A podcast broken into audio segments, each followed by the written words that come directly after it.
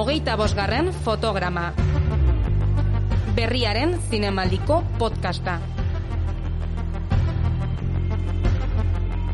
Donostiako udaleko euskara zerbitzuak lagundutako saioa.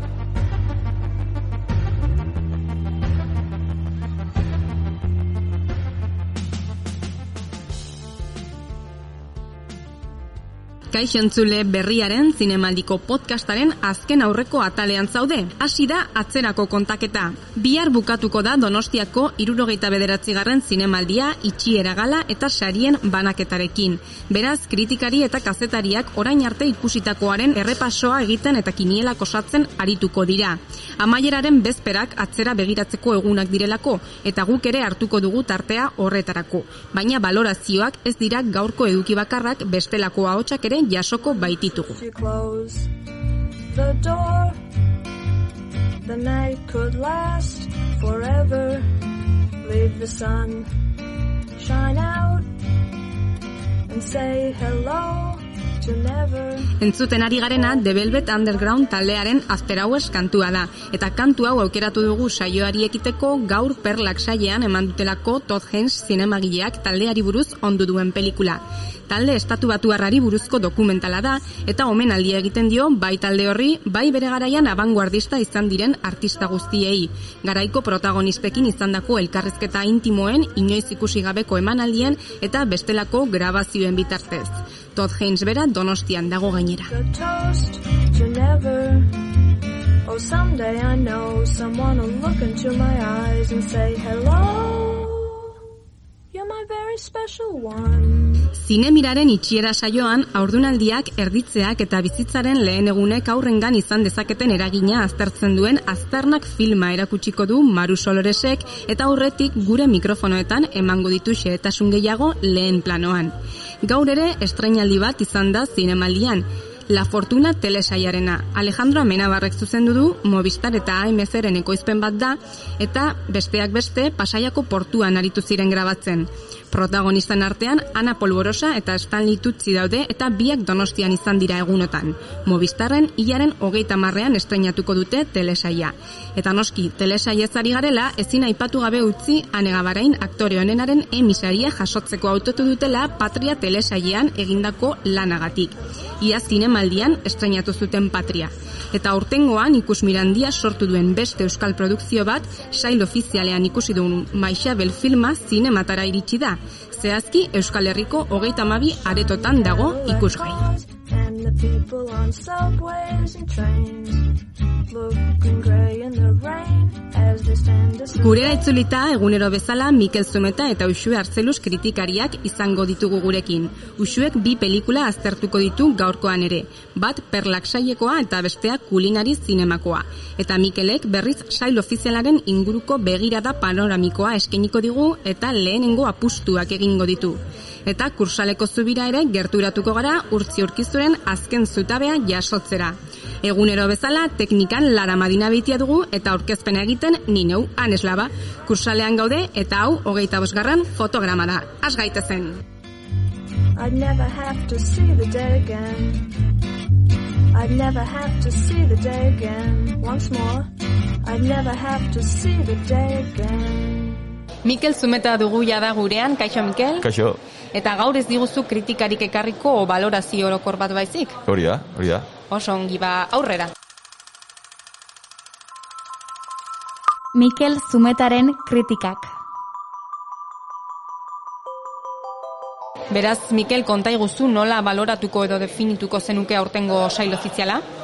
Ba, e, aurtengoa iritu zait, badaukala, ala beste urte batzuetan haien ez dut horren beste nabaritu, eta aurtengo edizioan ikusi dut, badagola nolabaiteko osotasun bat, pelikulek haien artean nolabait, ba, hitz egiten dutela, edo badagola nolabaiteko elkarrizketa bat pelikulen artean, bai diskursiboki, eduki aldetik, formaldetik, oso edizio gogorra ditu zait, iluna, astuna ez dut zentzut txarren esaten, eh? Gustat, asko gustatu zait, ekarri dituzten pelikulak asko, gustatu zaizkit, batez ere lehenengo esango genuke e, gehiengoa, baina lehenengo tandakoak edo, gero ja bukatzerako garaian azk, ikusituan azkenengoak, ba, ja gutxiago gustatu zaizkidalako, eta nik uste ateratzen zirelako pixkat hildo nagusitik edo. Baina kritika asko, e, amatasuna landu izan da, gaztetasuna, nerabetasuna, botere e, faktikoak edo, ba, politika, e, kazetaritza, enpresa mundua, hau da, boterearekin loturiko agenteen edo e, inguruko pelikulak ikusi ditugu, eta kritika, nik ikusi dut kritika asko, maia askotara, eta grazia dit, ba, jendearekin e, komentatzen ez, ba, gogorra kritikoa eta ez, eta iluna iritu zait, eta askok, e, batek baina ongaiagok esan dit, e, bueno, garai ilunak bizi ditugu, eta gia da, eta nik uste horrekin batera dijoala e, sailkapena egin dutena, eta nik uste asmatua dela aurtengo, aurtengo sailkapena. Hoiek beraz ezaugarri nagusiak eta egin ditzagun apustuak Mikel ze pelikula ikusten dituztu sarituak izateko aukerekin? Nik ikuste ditut lau e, lau pelikula sarigarri e, izango zirela izango lirateke Erwig e, Belgikako filmea e, Danimarkako Tea Lindeburgen As in Heaven filma, jogazen pelikula nez horitzen orain e, izen buruaz, eta Jonastroaren e, filmea. Nik nahiko nuke jogazen filmea, mm Claire Simonen filmea irabaztea. Nik nahiko nuke. E, baina ez dakizu ala izango Baina ez dakit, oso, baina ez dakit, oso pertsonala, oso pertsonala. Mm -hmm. hori azkenean epai maiak erabakitzen du. Bai. Eta iruditzen zait, nahiko zaila izango dela e, oso aurtengo edizia oso e, irizik kontrajarriak egon direlako, bai? bai?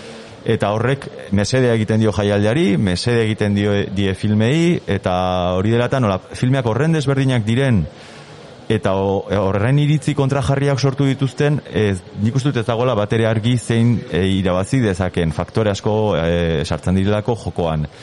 Bai, ez dago, ez da egon bakar bat e, besteen gainetik nabarmendu dena bereziki. Adibidez, Jonastroarena e, ba, e, valorazioen, oza, valorazio tanta, ba, oso puntuazio altua jaso du, eta nik oso puntuazio altua eman nion. Kontua da, e, kritikak, e, kritikak egiterakoan, eta zenbatzerak, oza, bueno, puntuazio bat ematerako garaian, oberena dala filme guztiak ikusi, eta ondoren, mhm. ikustea ea zeinek, ez, e, ba, guztiak ikusi ondoren erabakitzea. Kontua da, e, ba, ikuste ditugu egiten dugula pixkatelan hori, eta nik adibidez filmari oso nota ona jarri nion, asko gustatu zitzaidalako, baina ali izango banu ere atzerengo nuke eta Claire Simonen ari adibidez, ba, e, mm. puntuazio altua ere emango, emanion, baina altuago emango nion, biak e, e, nola parean egoteko, ez? Komplikatua da, ezakit, ezakit, ezakit, ze basako ben. Hemen zure valorazioa, zure iritziak eta pustuak, ea asmatzen duzun, bihar ikusiko dugu, Eskerrik asko Mikel egun hauetan egindako lanagatik eta gurera ekarritako kritika guztiengatik eta bihar elkartuko gara itxiera galaren kontakizuna egiteko. Erki, mi esker, bihar arte. Hori da, bihar arte. Lehen planoan. Aurdunaldiak erditzeak eta bizitzaren lehen egunek aurren duten eraginaz diardu Maru Soloresen bigarren film luzeak. Galderak proposatzen ditu erantzunak baino gehiago, bizitzaren garai horrek duen garrantziaz gogo eta egiteran gonbidatu nahi baitu ikuslea. Zinemagilearen opera prima izan zen kamera obskuran lana bezala, hau ere zinemiran aurkeztuko du saia izteko. Maru Solores, kaixo, ongietorria. Kaixo. Zer moduz? ondo, ondo nola, nola bizitzen ari zara lan hau ba, zinemaldian estreinatzea zinemira gala horretan? Ba, ondo, baina bai, urduri zeren urte askotako lana izan da. Mhm.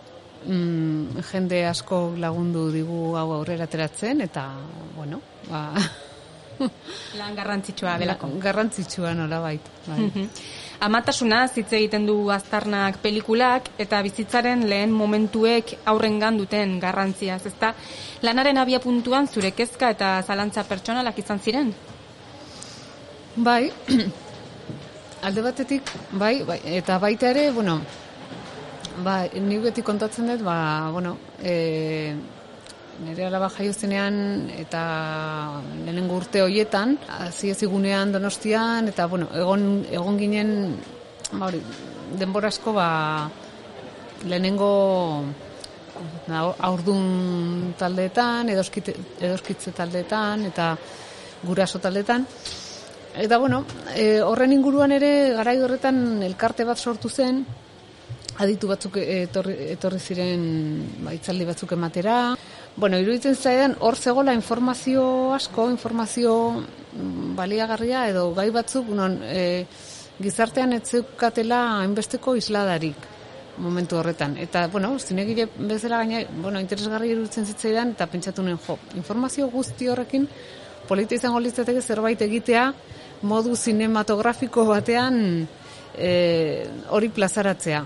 Oraingoan heldu diezu gai hoiei, ez? Bai, eta, bai. eta hain zuzen ere pelikularen planteamendua da jaio aurretik erditzean eta lehen haurtzaroan ditugun bizipenek gerora oroitu ezin ditugun arren eragina dutela gure izaeran aztarnak usten dizkigutela, ez da?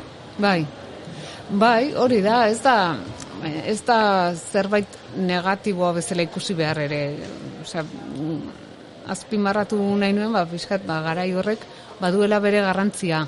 E, eta batzutan igual ez diogula ematen edo uste dugu, ba, gogoratzen ez dugunez, ba, bueno, ez, ge- ez geran, kontziente ez geranez, ba, gizartean ere, gero ez gera oso kontziente horrek, e, garai horrek duen garrantziaz, eta hor gertatzen den ba, gure garapena eta hor gertatzen den guztia bai bueno mm, bai bueno, bai gertakizun onak bai ezain onak ba, badutela hor bere eragina.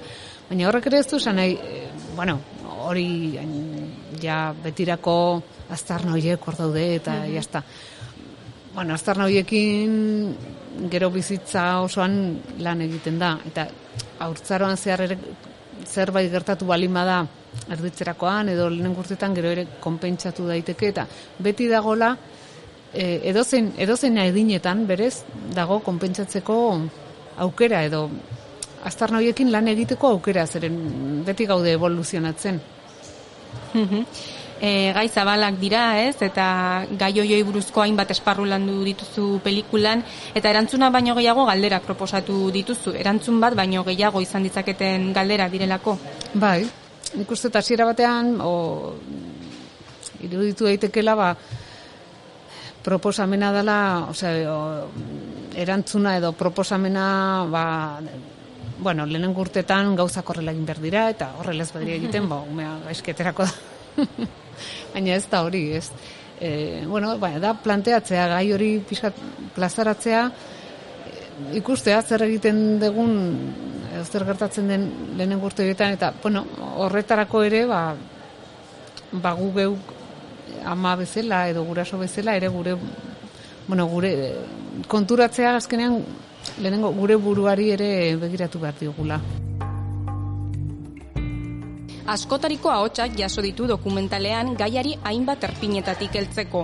Guraso izatear diren eta izan berri diren zenbait bikoterekin hitz egin du, bai eta aritu batzuekin ere. Eta naturaren elementuak erabili ditu kontakizunak josteko. Bitartean, Solores bera bere bizitzaren lehen urratsen atzetik aritu da galdera hoien guztien erantzunaren bila bera ere. Aurdun dauden zenbait emakume eta haien bikotekideen gana eta seme alabak izan berri dituzten beste zenbaiten gana jo duzu eta haiek kontatzen dituzten gauzengatik ondorio ez da ezakegu arrazoi ezberdinengatik e, erabaki dutela haiek ere beren buruari galdera hoiek egitea e, pun- puntu ezberdinetatik iritsi direla ona, ez?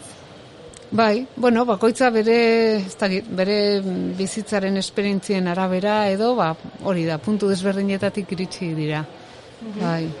Eta haien bizipen eta kontakizunak ere askotarikoak dira, erditzearen eta edoskitzearen inguruko iritzi ezberdinak daude, adibidez, badira seme alaben zaintzaren gatik gainezka eginda dauden amak ere bai, garrantzitsua zen hori ere islatzea, anistasun hori.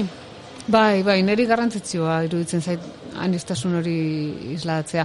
Bueno, ala ere nik mm, ez nuen ere planteatu nahi, ba, mm, ez dakit, ba, gizartearen erradiografia bat egitea, eta e, hauek hau esa- hola egiten dute, eta beste batzuk ez, eta mm, ni ba, bai zentratu naiz pixkat e, guraso hoietan pixkat kontzienteago dauden guraso hoietan edo bueno, gura, e, ba, guraso batzuk ba, planteatu dutenak ba hasieratik harreta pixka bat gehiago jartzea bai ardunaldian bai bai erditzerakoan bai bai gero lehenen gurtetan, ez? E, baina mm, hori, baina anitzak dira hala ere, eh? ez dira ez dira danak berdinak eta bueno, bakoitzak gero bakoitzak badozka ere bere bere zailtasunak eta bai. Eta lanketa hoiek egiteko aziezi gunera joan dira gurasoietako batzuk, e, ani garotzen da pelikularen zati handi bat, lehen aipatu duzu zuk ere, eta toki gar- garrantzitsua izan da zuretzat. Bai, bai, bai. Nola zagutu zenuen? E, bueno, Jose Ramon Maduit eta Kristina Aznar zen bikote bat, mm, osea, beraiek duela, ez dakit, hogeita mar urte baino gehiago hasi ziren hemen donostian. E, bueno, aur, aurduntze prozesua laguntzen eta eta lehenengo urte hoie laguntzen. Eta, la, bueno, lan asko egin duten, bueno, nik uste dut igual, larogoi, ez da, larogoiko amarkadan, edo hola hasiko ez diran. E, ni pixka kasualia ez iritsi nintzen. Bai, e, bueno, ezagun baten bitartez. Baina, bueno, baina ben, ezagutu nituen, eta, bueno, joan nintzen pixkanaka ulertzen, bueno, zergatik e, lan egiten zuten horrela, eta ze garrantzia daukan, eta pixkana pixkana joan nintzen gehiago ulertzen, bai. Eta aditu batzuk ere agertzen dira, haiek ere erpin ezberdinetatik heldu diote gaiari, zeintzuk dira aditu hoiek? Bai, bueno, bai, alde batetik, dago, Michel Odon, e, frantsesa, bera da, obstetra da. Obstetra dira, bueno, jaiotze inguruan dauden e, ginekologoak. e, orduan, bera, e, bera izan zen lehenengotariko bat, mm, irurogeiko amarkadan edo, mm, Parisen, bueno, hasi ba, erditzearen inguruan, bueno, erditze naturalago baten bila, ez? Ikasketa, ikasketa zientifiko asko biltzen ari da eta ikerketa zientifiko asko e, erditzearen inguruan, edo lehenengo urtearen inguruan eta e, horrek zenbait gaixotasunekin edo zenbait prozesuekin e, daukan erlazio bilatu. Gero dago Laura Gutman, mm, argentinarra, mm, bueno, familia terapia egiten du eta liburu asko idatzi du, bera ere askotan etorri da Euskal Herrira eta hemen ere eman ditu bere hitzaldiak eta tailerrak berak ere liburu asko idatzi ditu. E, eta gero Ibone Olza, bai, Ibone Olza, bueno, bai, jatorri zimengoa da, Mad, bueno, Madrilen bizi da, han egiten du bere lana, eta bera psikiatra perinatala da. Bueno, eta bera ere, bueno, ba, nahiko, ko- osea, ak, berak, berak esaten du, bera aktivista bat da, e, lehen aurtzaroko eskubideen aktivista, e, liburu batzuk idatzi ditu baita, eta adibidez, ba, orain, bueno, violentzia obstetrikoa eta horren inguruan ere, ba, hor ari da aktivismoa egiten. Ederki, eta zure amarekin ere hitz egin zenuen pelikulan, zure jaiotzari buruz galdetu zenion, zer eman dizu zuri amarekin horretaz hitz egiteak? Egia da, noski, bueno, ez dala, zela, hola, lehen, lehen aldia horri buruz hitz egiten genuen, ez da? Baina, baina bai, elkarrizketa moduan egitean eta kamararekin eta grabatzen, ba, beste kutsu bat eman zion. Eta bai, atera ziren gauzak, edo deta, behar bada detai txikiak, edo bai, atera ziren gauzak, ba, nik ez nekizkinak edo igual amak hain argi ordura arte espresatu ez zituenak. Eta hori oso, oso polita izan zen, eta bueno, mm, ba, aukera ematen du baita ere uler, gehiago ulertzeko eta kontzienteago egiteko eta ulertzeko, ba, bueno, bere garaian, bere zirkustantziak nola izan ziren, eta eta bueno, bai, ba, bai, hori ikusteko o, gero horrek zer, zer eragin daukan, baina ez, e, ez dakit, ez e, errua bilatu nahian, edo... Gauzak ulertu nahian Ulertu nahian, hori da, hori da, noski. Aberasgarria beraz. Bai, bai. Mhm. Eta nolakoa izan da dokumentala sortzeko prozesua, izan ere tartean finantzak eta kolektiboa ere izan zen, horren bitartez atera duzue aurrera, ezta? Bai, bueno, hori izan zen lehenengo, bai, Lehenengo pausua. Lehenengo pausua hortik abiatu ginen, e, zeren, bueno, zaila gertatu zen gai honekin, ba, instituzioetako laguntza lortzea, eta orduan nik beti pentsatzen nuen, jo, ba, nik uste gizartean badagola, badagola jendea interesa daukana, eta, bueno, honeko jartzuna izango duela. Eta horrela izan zen, e, mm, Gipuzkoako, bueno, foru aldundiko meta programarekin egin genuen crowdfundinga, eta horri esker, bueno, Gipuzkoako foru aldundiak e, diru laguntza bat jartzen du crowdfundingean ere, e, iaia bikoizu egiten ditu ba, jendearen ekarpenak.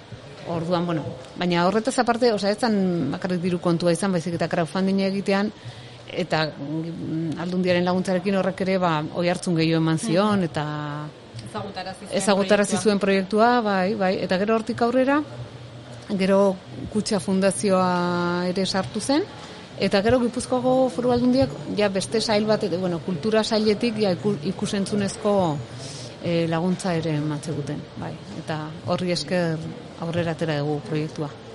Eta hemendik aurrera ze ibilbide egingo du pelikulak? Auskalo. Auskalo, hori da.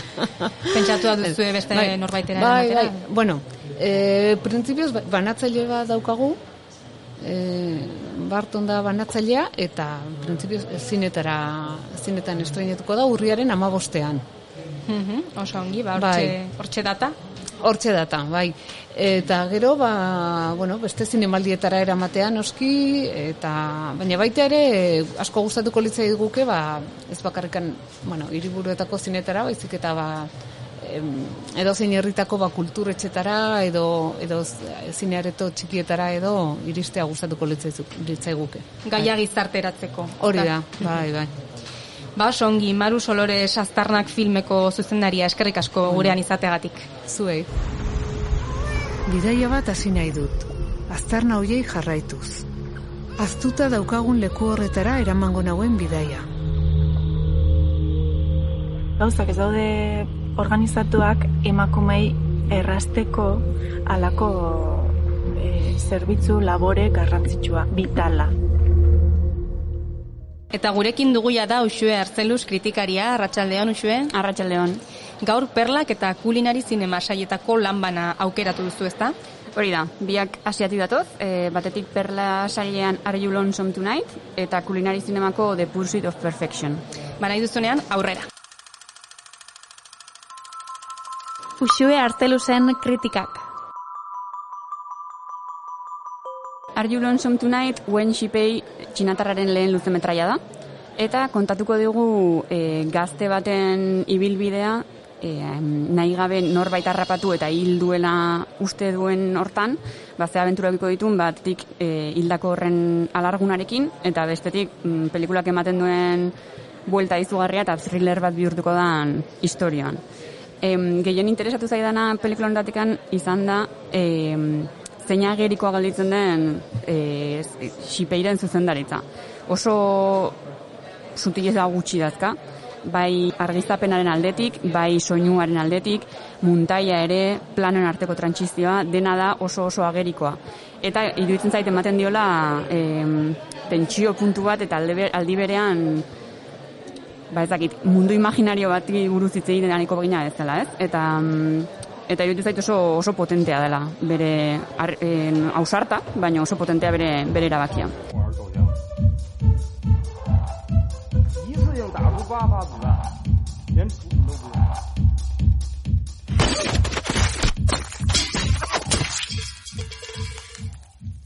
Eta bestalde Japonetik datorren The Pursuit of Perfection, Toshimichi Saito zuzendariaren filma da, eta kulinari zinemako filma da. Beraz, hemen jarraitzen ditugu Japongo eta Tokioko batez ere lau chef, eta em, ikusten dugu bakoitzak eh, nola egiten duen lana, ez? E, ba, beraien platerak eta beraien kontzeptu guztia sortzeko, ba, zein desberdinak diren bai izakeraz eta bai lan egiteko eran.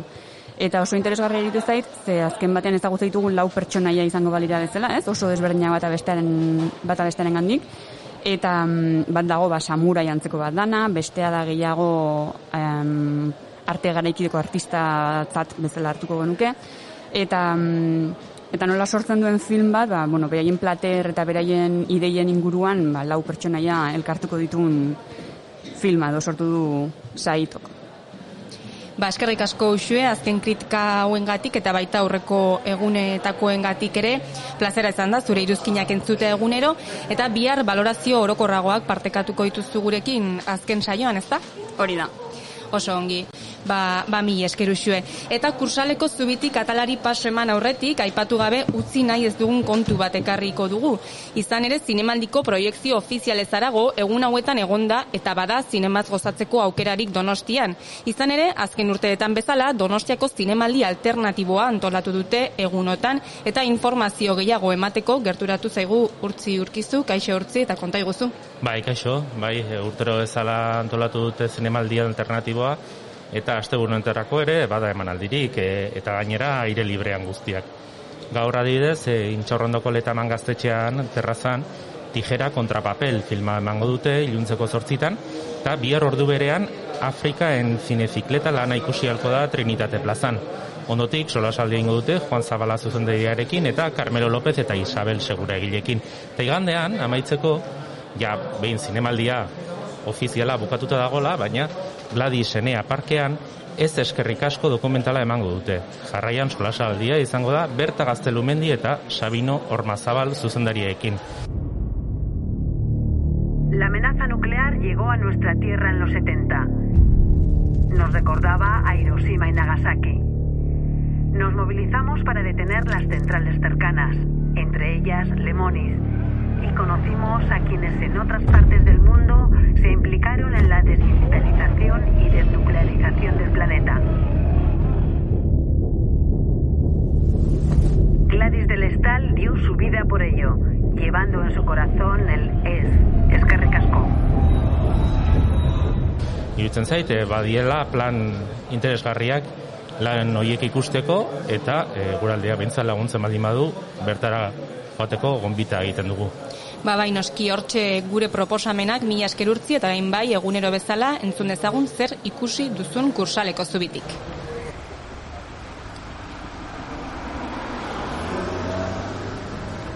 Kursaleko zubitik urtzi urkizuren ahotik. Ez da nire iritzi bat edo zubian entzundako zerbait. Maialen Beloki, zinemaldiko zuzendari ordeak berrian, irailaren amabian esandako hitzak dira. Bi puntu.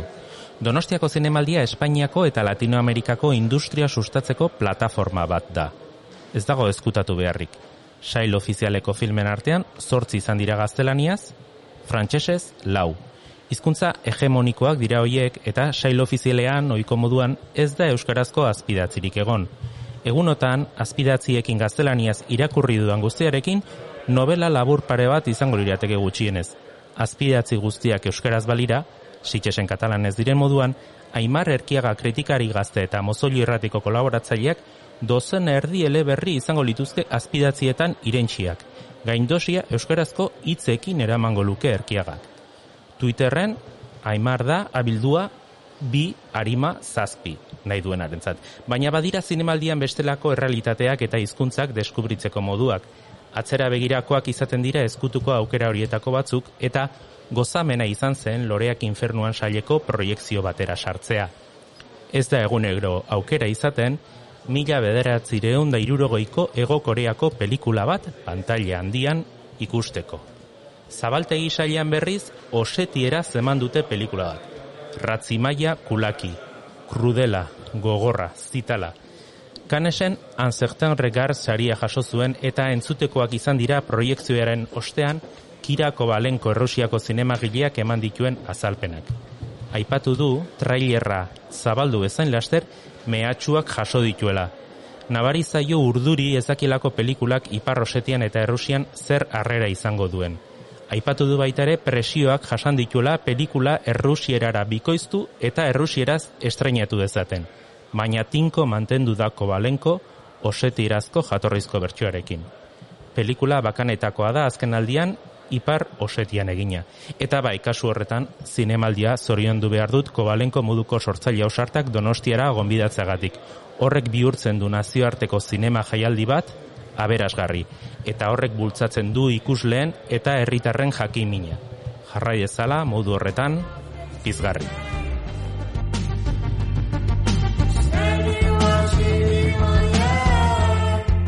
Eta onaino iritsi da zinemaldiaren zortzigarren eguneko gure errepasoa. Dakizuen bezala gaur izan dugu azken eguna kursaleko gure txoko honetan.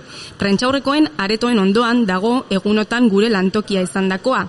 Zarata dago, jendea ara eta ona dabil, ez leku gisa ere definitu liteke beraz, guretzat ordea aterpe goxoa izan da. Askotariko jendea igaro da hemendik, lanak gainezka eginda iristen ziren batzuk, beste batzuk, patxadatxu. Pelikula bat ikusi berritan emozioz beteta eta ikusitakoa azaltzeko hitz egokiak topatu ezin da heltzen zen bat, mikrofonoaren aurrean esan nahi zuena ongi zehaztuta zetorren bestea. Zinemaldia bizitzeko modu ederra izan da noski, Eta bihar gure mikrofonoak eta soinu maila maletan sartu eta Martin Ugalde Kulturparkera mugituko gara berriaren erredakziora. Han elkartuko gara Mikel Zumeta, Uxu Arzeluz, Urtzi Urkizu eta Laurok zinemaldiaren itxiera galaren kontakizuna eta balorazioak zuekin partekatzeko. Galaren ondoren entzungai jarriko dugu gure azken podcasta, beraz, adiegon, bihar artentzule.